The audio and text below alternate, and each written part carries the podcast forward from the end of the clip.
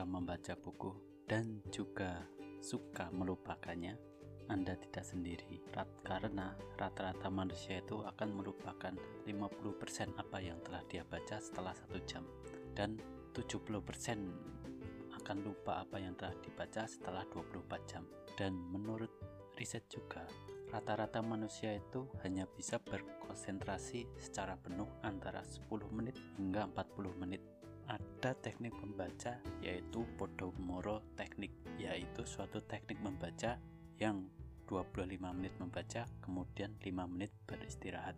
Saat membaca ini saat 25 menit ini usahakan hilangkan distraksi-distraksi seperti HP dan kalau saya menggunakan stopwatch tapi bukan dari HP yaitu dengan bantuan Google Home. Karena kalau saat istirahat kalau kita saat membaca sering lihat HP, kemungkinan besar kita lebih banyak melihat HP daripada membacanya. Dan setelah 25 menit membaca, kemudian diikuti dengan 5 menit beristirahat. Istirahatnya ini pun dengan bernafas panjang atau sekedar minum, tapi jangan buka HP. Karena pengalaman saya sendiri, setelah membaca HP, malah berhenti membacanya dan terus ketagihan melihat HP. Manusia lebih ingat apa yang di, ada di bagian awal dan di bagian akhir dan cenderung lupa di bagian tengah. Dengan Podomoro teknik ini, kita bisa lebih banyak membuat awal dan akhir sehingga lebih banyak yang diingat daripada membaca secara full satu jam atau dua jam. Membaca buku adalah salah satu proses untuk mempelajari sesuatu agar apa yang telah kita pelajari tidak mudah hilang dan kita bisa belajar lebih cepat kita bisa menggunakan apa yang namanya faster metode. Faster metode ini adalah singkatan dari F forget, act, state, teach, enter, dan review. Oke, kita breakdown satu-satu. F forget. Loh, membaca kok malah dilupakan? Ini artinya saat kita membaca, kita harus melupakan tiga hal ini sementara waktu. Satu, lupakan apa yang telah kita ketahui. Ketika kita merasa mengerti apa yang mau kita baca, kemampuan untuk menyerap informasi baru akan menurun. Ini seperti air di gelas, kalau airnya penuh, gelasnya tidak akan bisa diisi lagi, sehingga kita harus membuang atau meminumnya, sehingga seperti otak juga, kita harus mengkosongkan sementara waktu otak kita agar bisa menerima informasi yang baru.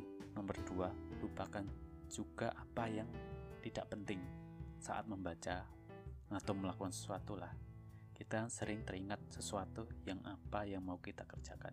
Salah satu triknya untuk menghindari ini adalah menulis apa yang kita ingat waktu kita membaca itu di, di kertas sehingga kita bisa melupakan hal itu dan melanjutkan membaca lagi. Nomor tiga, lupakan limitasi. Limitasi ini menganggap bahwa kita kurang mampu atau kita merasa lemot dan berpikir. Yang kedua itu act atau bertindak. Dengan artian apa yang kita baca seharusnya kita praktekkan apa yang kita baca dalam isi buku itu. Metode ketiga dari Faster yaitu state state itu memposisikan otak kita secara positif. Hilangkan pikiran negatif seperti IQ kita yang rendah atau pikiran-pikiran yang mengkerdilkan otak kita. Berbagi juga self-talk kita atau kita bicara secara negatif kepada diri sendiri itu kita berbagi. Nomor 4 dari faster itu teach atau mengajarkan kepada orang lain karena dengan mengajarkan kita akan belajar dua kali Pertama, belajar saat membaca, dan kedua, saat mengajarkan ke orang lain.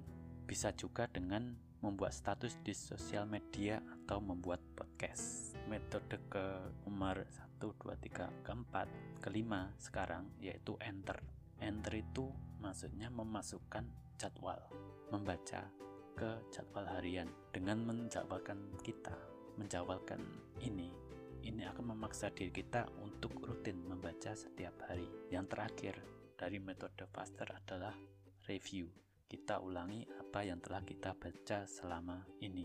juga kita harus membangun komitmen kepada diri sendiri satu berkomitmen untuk membaca buku mulai dari 10 menit hingga 25 menit sehari pertama-tama sih mungkin 10 menit dulu kemudian kita bisa tambah secara incremental sehingga 20 25 menit kemudian satu jam kemudian dua jam. Yang kedua berkomitmen kepada diri sendiri untuk menghilangkan distraksi saat membaca seperti HP atau yang lain. Paling sering sih HP nomor tiga berkomitmen untuk mengajarkan kepada orang lain apa yang telah kita baca. Nomor keempat berkomitmen untuk mematuhi jadwal apa yang telah kita tetapkan yang kelima, berkomitmen untuk mereview apa yang telah kita baca. Yang keenam, dan terakhir, jangan menyerah apabila merasa capek dan mungkin belum kelihatan hasil dari apa yang telah kita baca.